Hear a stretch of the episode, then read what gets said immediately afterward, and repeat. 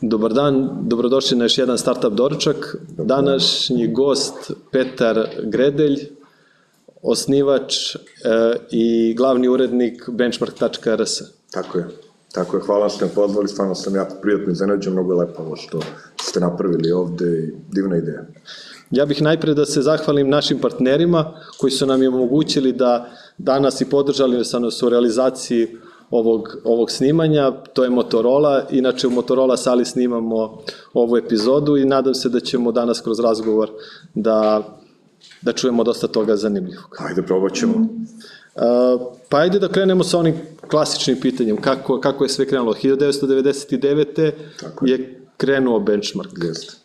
Pa, to nije plan bilo da se napravi neka firma i da se napravi neki uspešan medij, to je bio više pokušaj da se u to vreme na domaćem netu napravi sajt koji će posjećivati ljudi, gde će se pričati o tehnologiji, gde ćemo izveštavati, gde ćemo testirati, to je bio moj neki pionirski pokušaj, Uh, ne bi verovao da, da ćemo doći do ovoga. Znači, do ovog nivoa, u to vreme, na kraj pameti mi nije palo, uh, da ću jednog dana, evo, biti u ovoj situaciji u kojoj sam danas. Uh, nije bilo lako i, eto, možda to najbolje pokazuje koliko je to godina prošlo. Nijedan od današnjih portala bilo koji nije radio, niti jedan. I sad kad pogledamo Benchmark je vjerovatno najstariji srpski sajt koji dalje postoji i da okuplja neke ljude. Eto, možda Pandan Krstarica, ja ne znam da li radi internet Krstarica i danas, da li je tu danas neki portal ili je to opet neka vrsta pretraživača kakav je bio tada i to je sve.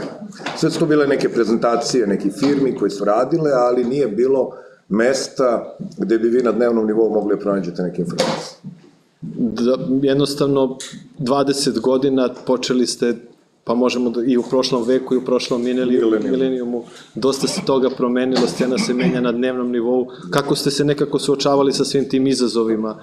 I kako ste na kraju krajeva opstali ove 20 i ka, ne opstali vi sad već i hvatate neki novi početak? Pa jeste, nije lako, mislim, pogotovo što, eto, opet, ne znam koliko je, meni je jako teško da govorim o tome šta je benchmark napravio, više bi volao to neko priča umesto mene, da ne ispadne ni da je neko samo hvalisanje, niti da budemo ni lažno skromni jer se napravilo nešto, ali zaista ne bilo jednostavno. I možemo da kažemo smo neki pioniri i da smo taj neki naš biznis model napravili po potpuno nekom custom principu koji verovatno ne egzistira u bilo kojoj drugoj zemlji, u bilo kom drugom podneblju, način na koji samo finansiramo naš rad, podrška koja postoji ili ne postoji od domaćih firmi ili stranih firmi, menjalo se iz godine u godinu i kao i svaka, svaki drugi put protkan i, i, i pobedama i porazima. Nekako, evo, bilo jedno pitanje vezano za Partizan za koji navijam, pa kao Euroliga, jedne nedelje dobiješ, druge nedelje izgubiš, pa vežeš pet pobjeda, pa dva poraza i tako, eto tako izgledaju naše 24 godine.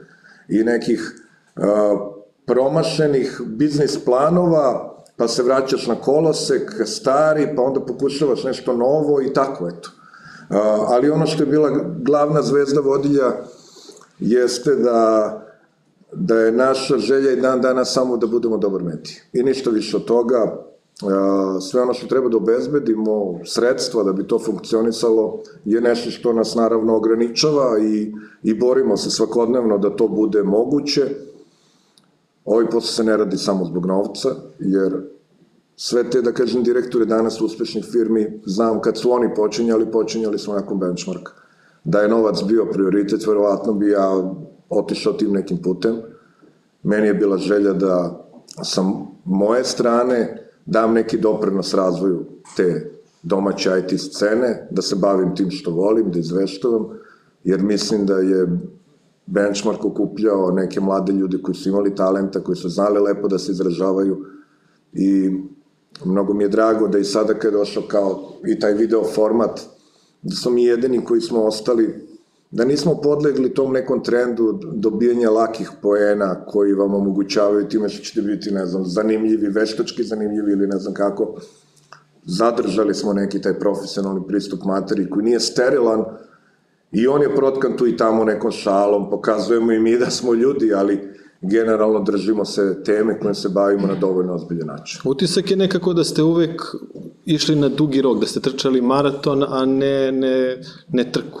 Da jednostavno ovo što danas u tim svim nemirnim vremenima koji su iza nas i pogotovo koji pogađaju IT scenu, nije lako opstati. Rekli ste da, da je počelo svega možda par sajtova bilo pre vas, ali danas ne postoje. Tako. Kvalitet je očigledno i pretpostavljam da su to velika odricanja i neretko kompromisi na koje niste pristajali da, da pravite.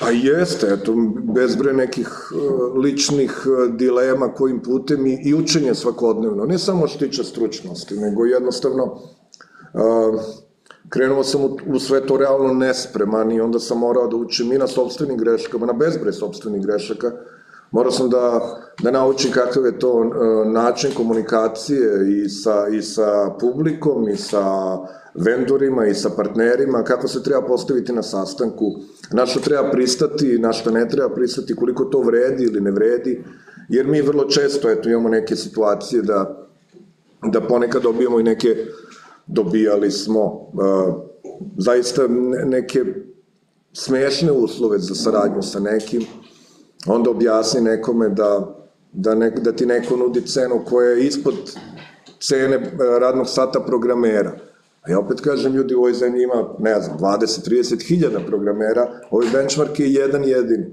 Pa moraš me tretirati dovoljno kao prosečnog programera, on očekuje da to bude na nivou molera. E, eto, to su neke problematike kroz koje smo prolazili, ali, ali danas zaista moram da budem zadovoljan dok smo došli i eto, e, možda se sad u ovim momentima osjećam najbolje za sve ove godine.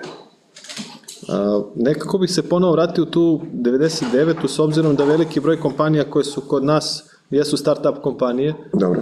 A i nekako utisak mi je da možda se sad to menja, ali pre deseta godina, verovatno kad ste vi počinjali je bilo šta on to tamo radi, kad će da počne da radi neki ozbiljan posao. Da li ste se suočavali sa tim izazovima i koliko je bilo tada teško jednostavno pridobiti podršku koja je verovatno na, na početku preko potrebna. Pa dobro, evo, super ste to rekli, ja sam izlazio iz svoje sobe i u kuhinji su majka i, i, i žena šaputali od čega on misli da hrani ovu decu. Eto, to je ovaj prva stvar bila, nije bilo jasno, naravno. I ni ja nisam verovao, ja sam samo krenuo u nešto. Meni to bilo zanimljivo i prvi dan kada sam video da je tog dana na sajtu bilo hiljadu ljudi, ja sam bio oduševljen i jednostavno sam verovao negde da to ide korak po korak, a što se tiče zadobijanja podrške nije bilo lako, da, ja verujem da je Benchmark možda i jedan od, možda i prvi sajt koji je okačio nečiji baner i da je za to dobio neki novac. Da, mi sad pričamo, nama je to, to možda zvuči neverovatno, ali u tom vremenu Nestvar. Nestvar. Da, nestvarno, ja sam isto dolazio do na neke sastanke u neke firme, verujte, sam u IT firmama, danas velikim, od marketing menadžera dobio pitanje, a šta je internet? Jer je to bilo vreme časopisa koji su gospodarili tada, e, glavni oglasni prostor su bili halo oglasi, e, billboardi, insertacije one velike u, dnevnim, u dnevnoj štampi.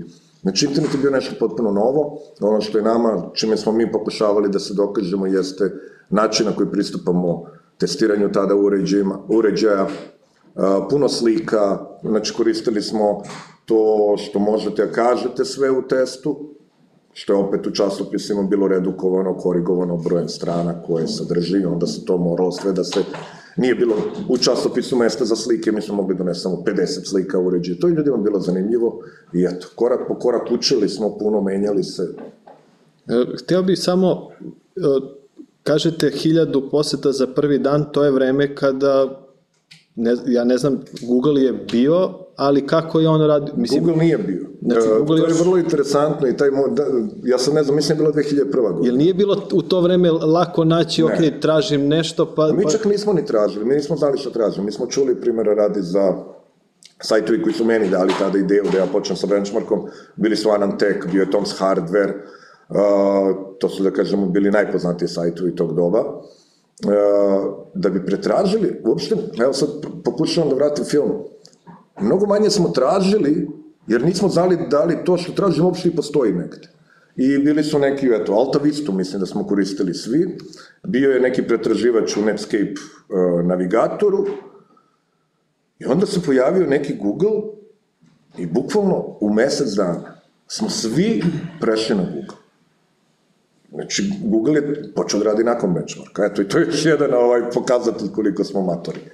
O, ali, ali da, tako se to menjalo i ti hiljadu ljudi, uh, jednostavno, da, forum je tu dosta doprineo, jer ja sam se negde izborio da benchmark dobije forum na domaćim serverima i to je bilo vreme velikog straha domaćih administratora kod internet provajdera, ništa nije bilo dozvoljeno, CGI skripte koje ti oni par dozvole, tipa za counter na sajtu koji će da pokažeš da broj poseta, radio se klasičan HTML pomoću štapa i kanapa, nikakve baze podataka, ništa, duše ne bi ni znao to da, ovaj, da napravim tada. Uh, tako da je bilo i dobio sam forum i taj forum je dosta, dosta doprineo popularizaciji uh, imena benchmark. Ne toliko, mislim da su to dva odvojena entiteta, ovo je forum, ovo je sajt, mi se bavimo izveštavanjem, to je moj fokus, forum je mesto koji nosi ime benchmark, odakle da kažem sve to počelo, to je jedno od pitanja bilo, pa mi je bilo vrlo interesantno. Da, forum je nekako, mislim, poseban segment u kome bi voleo da pričamo. Dobro. čini mi se da, da jedno, i dan danas, ali ajmo o, o forumima, samo još jedno pitanje, prva monetizacija. Da. Kada se desio trenutak u kome ste rekli da, Uh, to je moja odluka, ja idem u to. Mislim, mi smo rekli, vi ste krenuli odmah da trčite maraton i činjenice da, da ta posvećenost je vama omogućila da danas ste ovo što jeste i da je benchmark nekako deo IT scene. Jeste. Ne, svako danas zna za benchmark i ne postoji neko koji je u IT industriji, a da, da, da, da nije tamo ili da nije na njihovom, na njihovom, na, na, njihovom, na, na, na vaše forum. Ali ajde vezano deo za monetizaciju i taj trenutak u kome ste vi prelomili, da, ovo je, ovo je moje opredeljenje, neću ničim drugim da se bavim. Idem. A i, i, i dok je bilo, jedna stvar je interesantna pomenuti do momenta dok ne uđe prvih 10 eura u firmu, vi ste drug sa svima. PC je dobar, PC je naš drug, brat, kako god. Prvi 10 eura, kada uđe u firmu, svi žele deo od tih 10 eura. I, pa ne znam, eto, došlo je možda posle nekih godina i po dana, ajde ne pominjem koja firma i dan danas radi, hvala na tom prepoznavanju, svima njima bio strah neki da će to sve nešto kratko trajati, da će to neko odustati. I, i zaista za ovih nešto više od dve decenije pojavljivalo se tu neki sajtova, ljudi su pokušavali, radili neko tri mesa, neko šest, neko dve godine i gasili se, jer jednostavno nisu mogli da monetizuju taj svoj rad. Uh, suviše su mi malo tržište, suviše su to male cifre da bi neko tu živeo od Google-a i mora čovjek da se od... ne radi se ovo zbog novca. Ali opet, potrebna je neka kritična novčana masa da bi mogli nekoga da zaposlite, jednog, drugog, trećeg, da investirate u opremu i neko se na tom putu jednostavno odustane. Pogubi se, shvati da ne može, da, da, da mora da se okrene nečem drugom u životu, dobije neku ponudu na kraju krajeva. Ja sam dobio neke ponude u, dok sam bio eto mlađi pre neke dve decenije i da budem prvo zaposleni u nekim velikim kompanijama svetskim i ja sam to žrtvovao zbog benchmarka. Nisam, nisam pristao. A, koji je trenutak kad kreće uh, benchmark forum? Malo pre ste pomenuli da to nije bilo moguće odmah postaviti na našim, da. pokrenuti da. na našim serverima. Kako, kako, je, kako je taj period išao? Pa i, prvo smo digli neku, to se zvalo S-board. To je nekad primitivna verzija foruma. To je bio neki žuti forum koji je bio tada, to je trebalo možda neki 3-4 meseca A onda sam ja video da postoji na zapadu pravi forumi. Tad sam bio, Benchmark je bio hostovan na Sava Centar netu. I bio je administrator, jedan sjajan momak. Mislim, i dan danas smo se činili Nikola Kilkovnica. Ja sam ja zakazao sastanak u njega, objasnio mu šta bi ja to hteo, on je rekao da njemu to direktori ne dozvoljavaju, da je to opasno za bezbednost njihovu i za bezbednost podataka, i ja sam navaljivo i navaljivo, navaljivo, i on to meni instalirao. I tako je krenuo Benchmark forum. I to je bio zaista prvi pravi forum na ovim prostorima. Bila je velika popularnost, stvarno na početku. Onda su nastali drugi forumi. Elite Security je jedan od... Da, oni su posle nas nastali. Ali primjer radi za, za neku masovnu upotrebu, to je bio Burek forum, čuveni. Tako je, Burek je bio...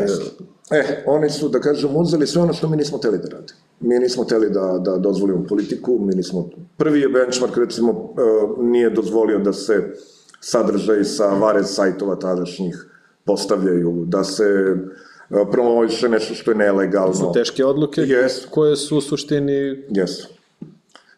jednostavno, da, eto, taj varez je, mislim, U to vreme... napraviti u tom trenutku reći ne, Tako je, tako je. Mnoge stvari smo morali da sečemo i, i, i da kažeš ovome nije mesto na ovom forumu.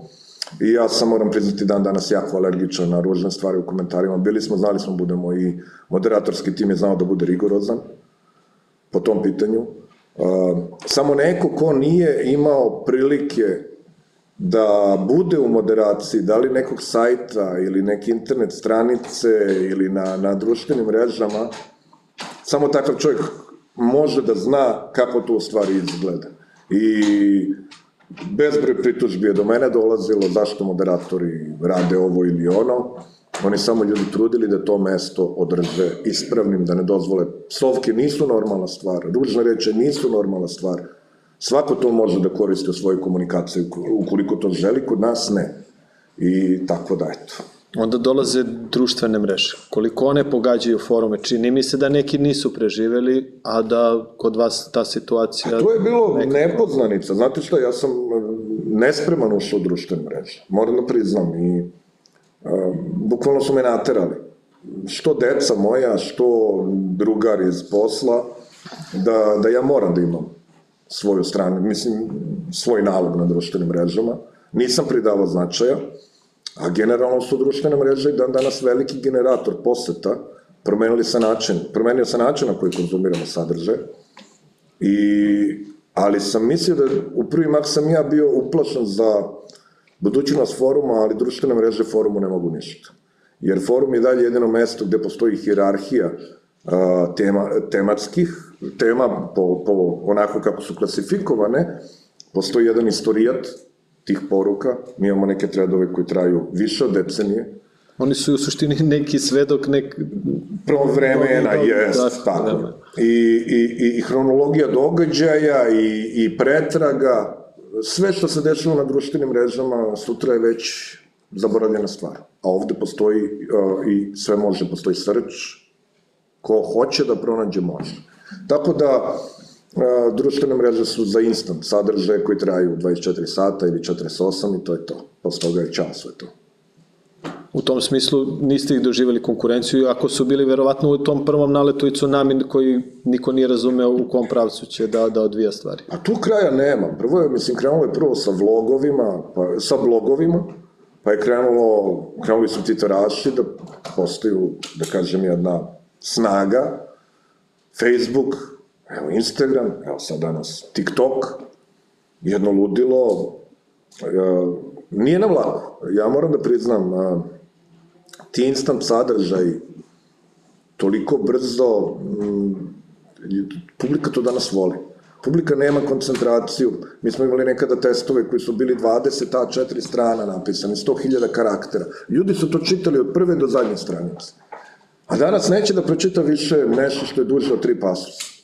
I sad mi prolazimo kroz naše emotivne uh, faze da to razumemo. Ej, juče te neko čitao da razume tehnologiju, a danas hoće da površno proleti preko svega toga i zato sve to što je na klik na mobilnom telefonu, na... Da dobije neko instant zadovoljstvo. Tako je. I da, Kupuje uređaj da bi opet mu on omogućio neko instant zadovoljstvo. tako je, Tako da izazov je verovatno snimati recenzije od pola sata. pa jeste, pa ne, ne, e, isto mi imamo pritužbe, zašto vam video traje toliko? Pa da bi se razlikovali od drugih. O, jednostavno, ja kada ne bi rekao to sve što imamo o tom nekom uređaju koji treba da predstavim, vjerovatno bi mi publika rekla da sam od, odradio onako, reda radi. I onda moram, eto, ja znam da je to dugo i da me, ja ne dam nekome pola sata svog života za jednu recenziju, ali ja želim da to uradim kako to benchmark radi i to je neki naš stil i neki naš način. Drago mi je što vidim da, da, da ima i dalje dobar deo publike koji ima tako nešto znači i da vide da se mi time oz, ozbiljno bavimo i eto, pravo jedno zadovoljstvo. Koliko je u Srbiji jednostavno da dobijete proizvod koji ćete da, jedno, da iznesete svoj stav i da ga iznesete onakav kakav je realan, a ne kako, jer nekako imam utisak da niste pravili kompromise ni u tom delu, ako vam neko da uređaj koji ne, ne, ne zadovoljava neke kriterijume, možda nećete niti dići uređaj u nebesa, niti reći nešto ružno o njemu, možda ćete prećutati neke stvari, ako je to, ali čini mi se da ni u tom delu niste...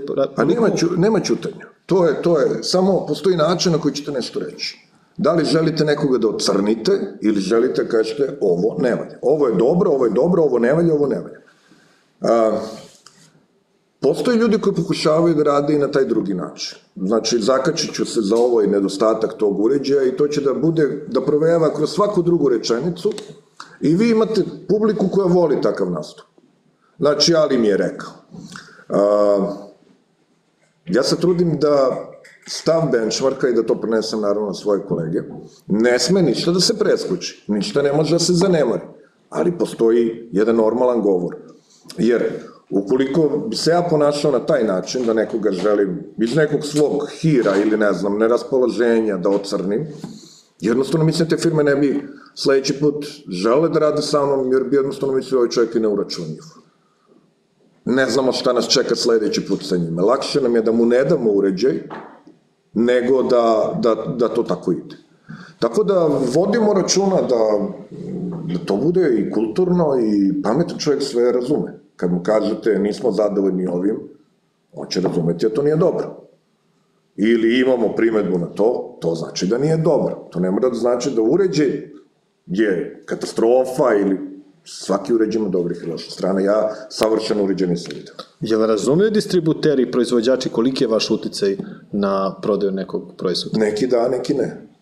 Neki da, neki ne.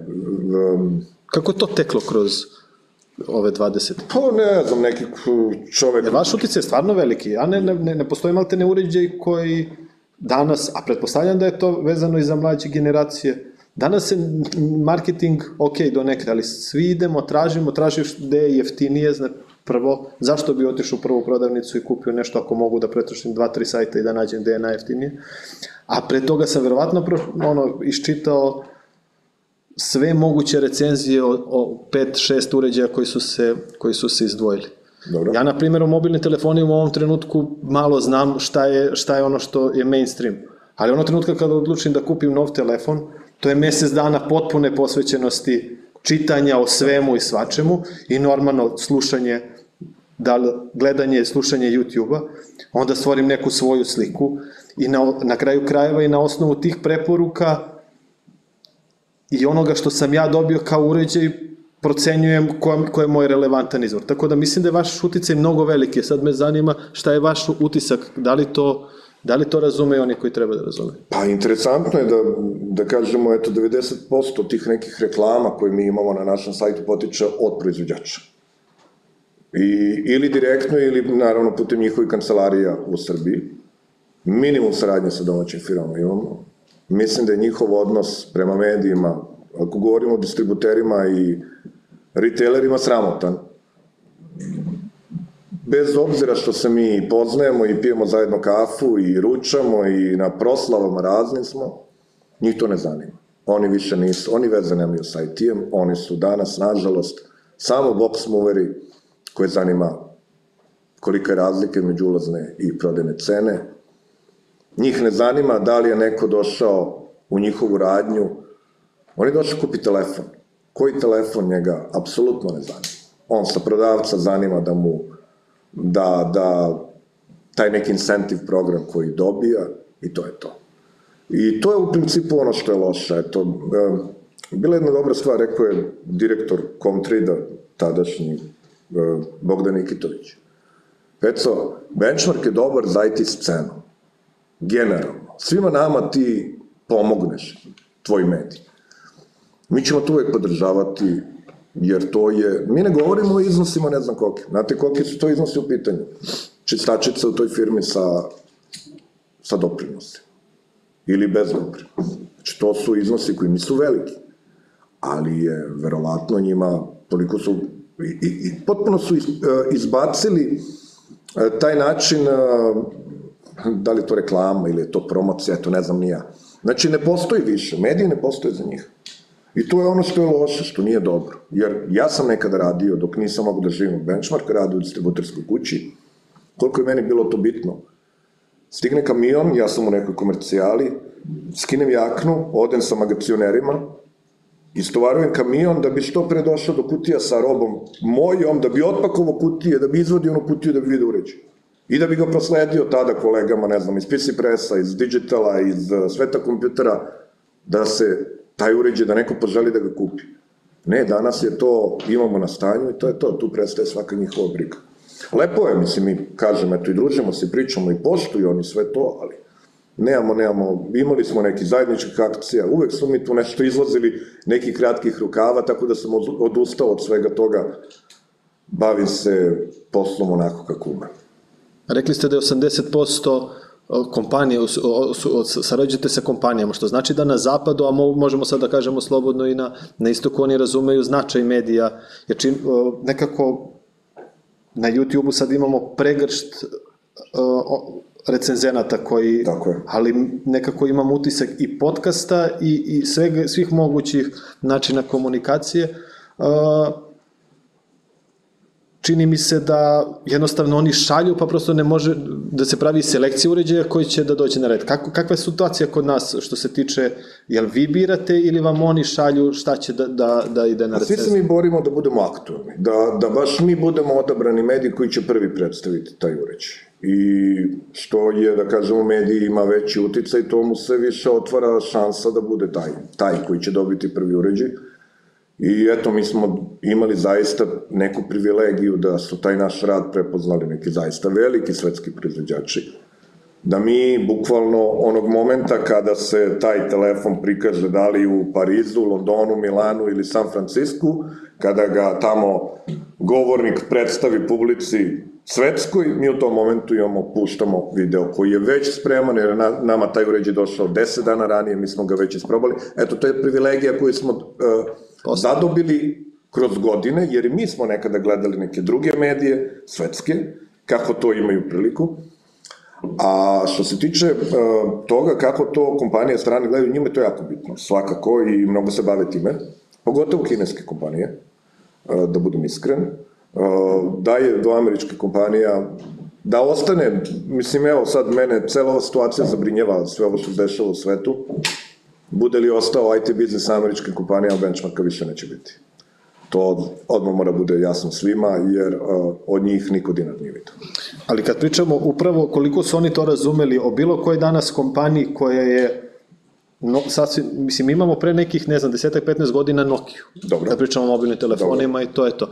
Dešava se iPhone, menja se potpuno, nekako gigant nestaje, ali kao i u svim drugim industrijama, Bilo da je reč o automobilskoj industriji da ko, Južna Koreja pokušava da stalno brendira stvari. Oni su nekako razumeli, vi pre par godina ste čuli za neko, ajde da ne, ne imenujemo ni jednu kompaniju, tad kažemo, a to je Kinez, danas je to brend koji i tekako svi uzimamo kao kao jedan kvalitetan uređaj i verujemo mu. Jednostavno čini mi se da se sad pravi e, jedna zajednica obožavatelja nekih uređaja koji dolaze upravo iz Kine.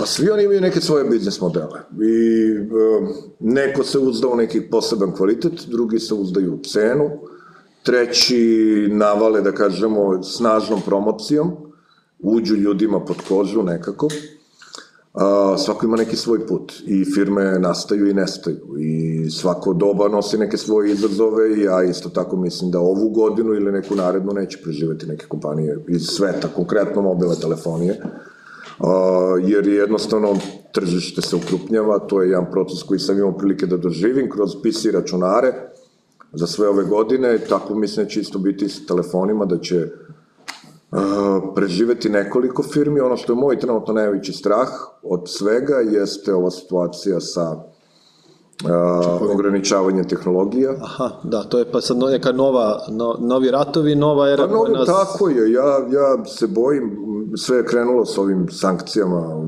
Huawei-u pre par godina, ali ja se bojim da će to se prošliti na sve kineske kompanije. Sad smo čuli da su uh, zabranili, je tako, Holandija da isporučuje Jeste, mašine. Da. da, to su mašine za proizvodnju poluprovodnika, tačnije procesora.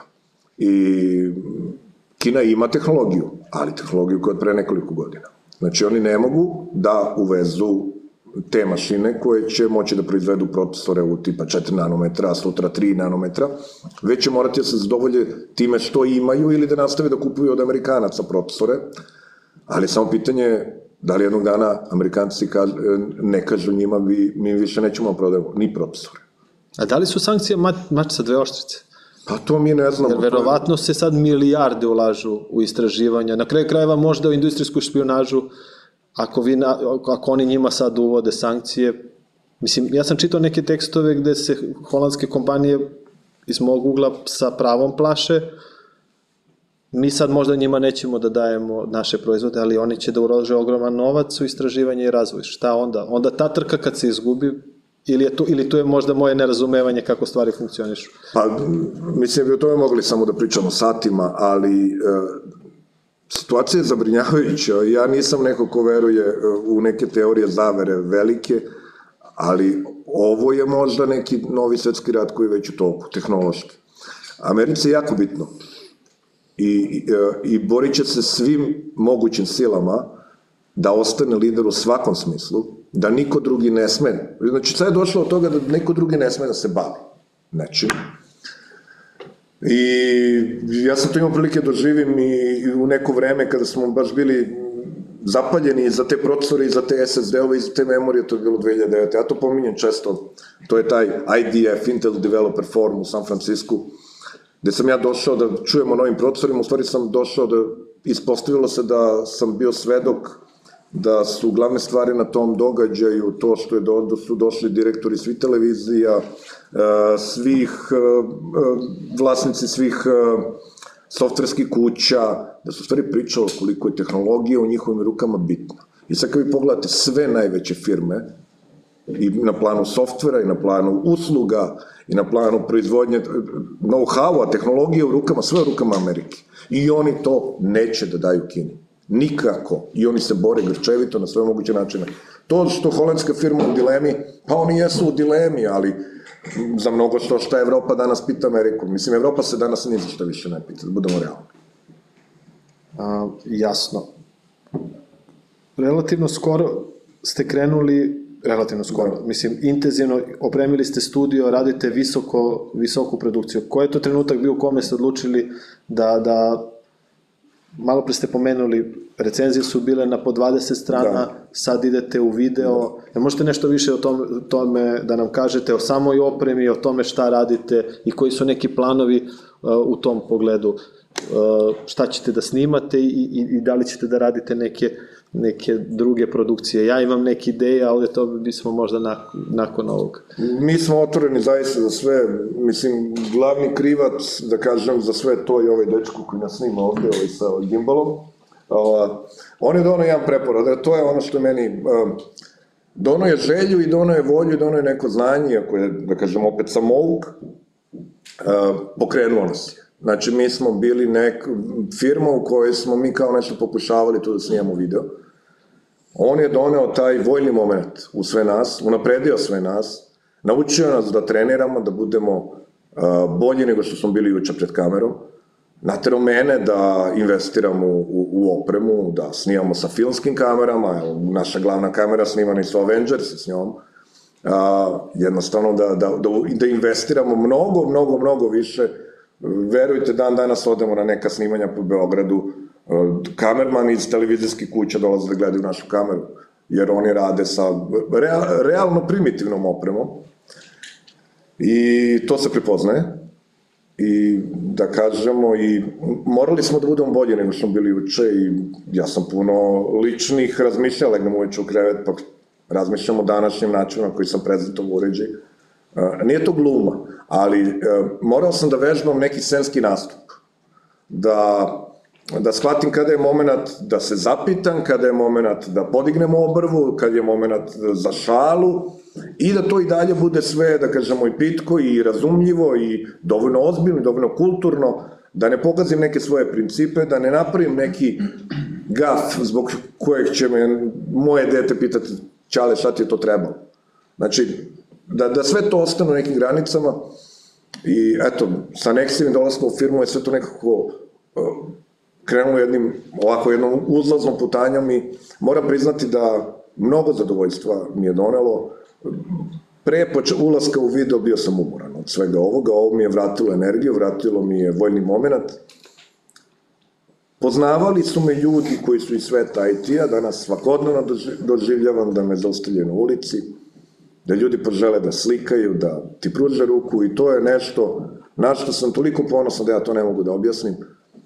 I meni je, eto, i, i pomalo iznenađenje i kada sam pročitao sva ova pitanja koje ste im poslali, to je samo jedan dokaz koliko ljudi uh, znaju čime se mi bavimo i šta je u nekom videu izrečeno, u nekom tekstu napisano. Ja osjećam još veću odgovornost, još veće poštovanje prema tome što radim i, i video je samo jedan novi izraz, ali koji nam je mnogo pomogao ne znam da li bi benchmark, da li bi ja, ne, ne, u stvari ne mogu danas da zamislim benchmark bez videa, a to je krenulo pre nekih 5-6 godina. Jednostavno, vratilo mi je energiju. Pre toga, jer vidite, vi ste pre 24 godine pionir, sad je došlo do toga da, da web novinarstvo nije ništa novo. Znači, to je sad već stari medij. Ono što je, sam ja tada bio za, što je benchmark bio za časopise, danas u društvenoj mreže za benchmark kao website. I eto, sve je to dinamično, negde čovjek uhvati korak, negde ne uhvati, ali eto, video je jedna jako, jako bitna stvar, mnogo lepo što nam se dogodilo. Neizbežno pitanje, chat GPT, kako gledate na to, kako, evo, koliko juče je Četvorka. Ili prehuče četvorka. Juče su pustili da se više ni ne čeka odobrenje. Preko Binga, da. Tako. Pa ja ne znam šta bi rekao, eto, um, moj neki susret sa, sa, sa takvim stvarima desio se kroz prve Huawei kamere koje su nam, ne znam, pre nekoliko godina kada su oni to, kada su je taj proizvođač radio na Kirin chipsetu AI mogućnosti da nam naprave sliku koja je realno slikamo u mraku, da on prepozna scenu, da, da ta slika ispadne. Posle toga smo bili na nekoj prezentaciji gde se baš puno pričalo o AI-u. Uh, Za, verujte mi, ako sam iz sveta tehnologije, meni je to zastrašujuće. Uh, nemam stav. I mislim da niko ne zna šta će se dešavati, ali da će doneti određene promene oči. Sada li će to biti promene na nivou ludizma, znate šta je ludizam? Ned Lud, Boston, uh, vreme industrijske revolucije, početkom 19. veka, industrijske mašine, nezadovoljni radnici, pale mašine, lome, prestrašeni Otpora, time da će, tako suštini prema Tako je, prestrašeni da će zbog toga ostati bez posla. Uh, ono što je interesantno jeste da se chat GPT pojavio u vreme kada je 15 dana ili, dva, ili 20 pre toga 70.000 developera u Silicinskoj dolini izgubilo posao. Znači da se nešto znalo, da, da dolazi neko vreme. Dešava se to da kompanija Facebook koja menja ime u kompanija Meta po metaverzumu odustaje od metaverzuma, sad je svima bitan AI. A i procurio im je izvorni kod. Tako je. I šta će tu biti Pa mislim da je rano, da mi to zaista ne možemo da znamo, ali kažem, bio sam pre par godina na jednoj konferenciji, opet proizvođača telefona, gde se pričalo o AI-u, I bilo je puno pitanja novinara, svima je to nama novitet bio u tom momentu, gde to može da se otme kontroli nekoj. Mi smo dobili uveravanja da to ne može da se desi, ali... Ali čitamo da je Microsoft otpustio tim koji se bavi... Etičkim pitanjima. Etičkim tako je, pitanjima. tako je. Jer, Mislim, sad je ovo možda malo nabacuje, ali činjenica je da u poslednjih, ajde mesec dana, 15 dana ili 3 meseca, nešto se neverovatno brzo dešava. dešava tako je. A kad sednemo bilo ko i kad sedne i, i proba da ukuca upit i kad dobije odgovor, tog trenutka mu je jasno, nije to sad tehnologija koju smo imali, aha, ovo, mislim, jednostavno odgovor koji ti dobiješ i ono što on kreira, nekako ti šalje neku poruku, ne razumeš, shvataš da je ogroman potencijal. Meni, ja imam utisak, ja već par dana se vraćam sa posla, nekako imam osjećaj da, da, da, da je to tu i da sad tamo neko sedi 24 sata provodi vreme i kreira nešto novo, ja to uh, ne radim. Nekako, kako mediji, kako, kako vi lično, mislim, čisto pravim uvod, ali stvarno dešava se nešto veliko. Podešava se nešto veliko u celom svetu. Mislim, evo sad ajmo da, sad je mart 2023. godine, gde smo mi bili u martu 2019. Da vam je neko rekao, sve promene koje će se desiti, a prošli smo kroz neku bolest, kroz, kroz neke karantine koji su nam bili nemogući, da mi je neko rekao će izbio neki rat, eto ponovo, tolikog uh, formata, gde jedni podržavaju jedne, ove druge se... Mislim, i sad dolazi ovo sa tehnologijom, pritisak na Kinu, meni se to ne sviđa, meni je to, ne može to da dođe tek tako pojedinačni slučajevi se dese, meni to sve u nekoj korelaciji. Kako i ne znam, tako i ovo vezano za artificial intelligence, uh, ne znam dokle može da je duboko. Zaista imate ljude, mislim da ne, ne mogu ni mnogo ljudi koji su involvirani u tu temu, mislim da ne mogu da vam daju prave odgovore. Ja sam kroz karijeru eto, imao neku situaciju da recimo u Ericssonu poznam čoveka čije je zvanje IT evangelist, znači evangelista za IT. I šta je njegov zadatak? Njegov zadatak je da dođe na posao kad doće i da napiše godišnje tri prezentacije. Znači on razmišlja o budućnosti. I od, tih, od te njegove tri prezentacije ne mora ni jedna da bude usvojena kao pravac za razvoj tehnologije. On jednostavno samo dolazi da razmišlja. Tako da nema, verujte, nema odgovora, da će da, mislim, pa chat botovi su, ajde da kažemo, jedan početak svega toga, neki call centri, jel tako, više ne, za, ne zapošljavate onoliki broj ljudi, zapošljavate manje, dobijate neke univerzalne odgovore, vrtite s kogod je imao neki razgovor sa chat botom, zna da ga vrti u krug, da, da panično tražimo telefon, daj da čujem nekoga da mi kaže odgovor, ali zapanjujuće ovo što... Mislim, i dizajneri su ugroženi. Neverovatno napraviti film, evo imamo prijatelja koji je uh, sa chat GPT-em osnovao firmu u Estoniji za pola sata, napravljen mu je sajt, registrovan mu je domen, čovjek može u toj zemlji sutra, znači za pola sata može početi da radi u Estoniji, koja je, da kažemo, ima određene velike IT resurse, da kažemo da je Eldorado za, za IT nomade koji bi otišli da, da brzo naprave neki startup, da dobiju dozvole, da naprave šta god im je potrebno, sve se brzo rešava, chat GPT mu je to omogućio za pola sata. Eto, tako da, ne znam, prestrašan sam kao i svi, a da imamo odgovor nema. Da li mi planiramo da uvedemo ovaj, Pa ne znam, evo mi ne možemo da nađemo, verujte. Šest meseci tražimo novog kolegu koji bi pisao vesti. I ne možemo da pronađemo adekvatnog čoveka. Da li je chat GPT naš novi kolega?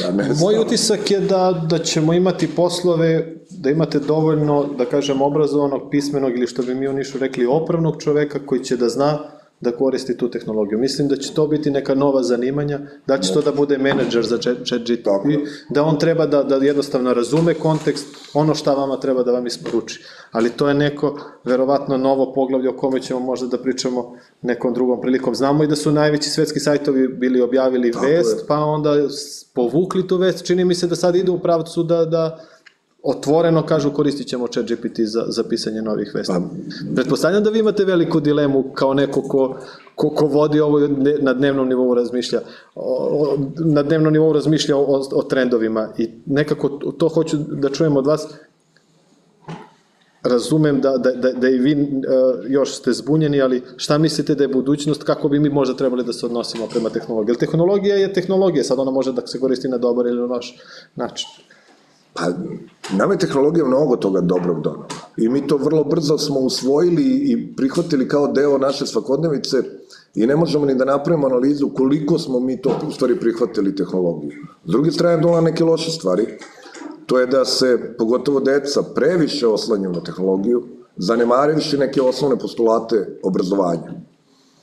Naravno da i, i, i proces obrazovanja mora da se menja i da ljudi koji donose određene odluke kako ta transformacija treba da izgleda, ne smeju da nas zanemare neke vrlo bitne stvari u, u obrazovanju svakog od nas, ali definitivno da deci te tehnologije mnogo više znače nego starijima, da nehaju previše. Evo, polazim iz svoje kuće, zapanjen sam koliko deca manje čitaju u odnosu na ono što smo mi radili. Znači, mi smo imali barem 7 do 10 knjiga godišnje za lektiru samo koje smo morali da pročitamo. Ja se ne sećam da sam nikoga od svoje dece video čita lektiru. Ne znam šta se tu događa. A opet, da li su više pročitali nego što smo što smo mi čitali neko. Pa mi S obzirom na količinu sadržaja koj, sa kojim su dnevno... Ne, oni čitaju izlaženi. ono što njih zanima. Znači, ne znam, oni, moje dete zna ko igra desnog beka u Aston Villa mene to ne zanima.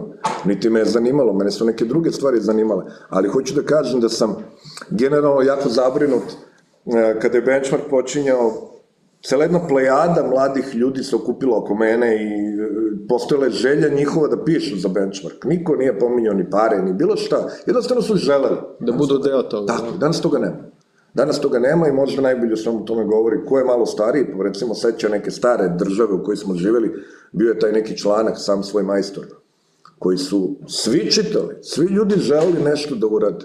Kad izađem subotom i nedeljom ispred zgrade, se igram pola komšiluka, a, samo i noge vire ispod kola, svi su nešto popravljali, svi su nešto čeprkali, bavili se nečem. Danas smo ušli u neko doba komoditija, svi želimo, ne zanima nas ni šta je u računaru, zanima nas samo da li to radi i gde je naš krajnji proizvod kroz osjećaj koji smo stekli, posao koji smo uradili ili, eto. Za kraj želim da vas pitam šta biste volili da vam je neko rekao na početku karijere? Pa, gure, bit će to dobro. Eto, toliko bi mi bilo dovoljno o, i, i, i možda sam se negde potrošio previše u nekim situacijama koje su možda ostavile nekog traga, pa možda nisam u nekim drugim odlukama bio dovoljno racionalan, ni dovoljno trezven, ni dovoljno hladan, da kažem, dosta sam emocija svojih nekih uložio i da bi da bi nekome predstavio benchmark i da bi predstavio svoju emociju, da to radim srcem i razumom, ali, ali uvek kod mene srce preovladavalo. Eto, samo da, da, da, da mi je to neko rekao, radi i nemoj da se nerviraš, jednog dana će sve to da izađe na dobro. Eto, mislim da bi mi taj savjet mnogo pomogao. Uh, hvala vam. Hvala vama puno, baš mi bilo drago. Odjavit ćemo još jedan startup doručak. Hvala vam na pažnji, pa se vidimo prvom sledećem priliku. Hvala.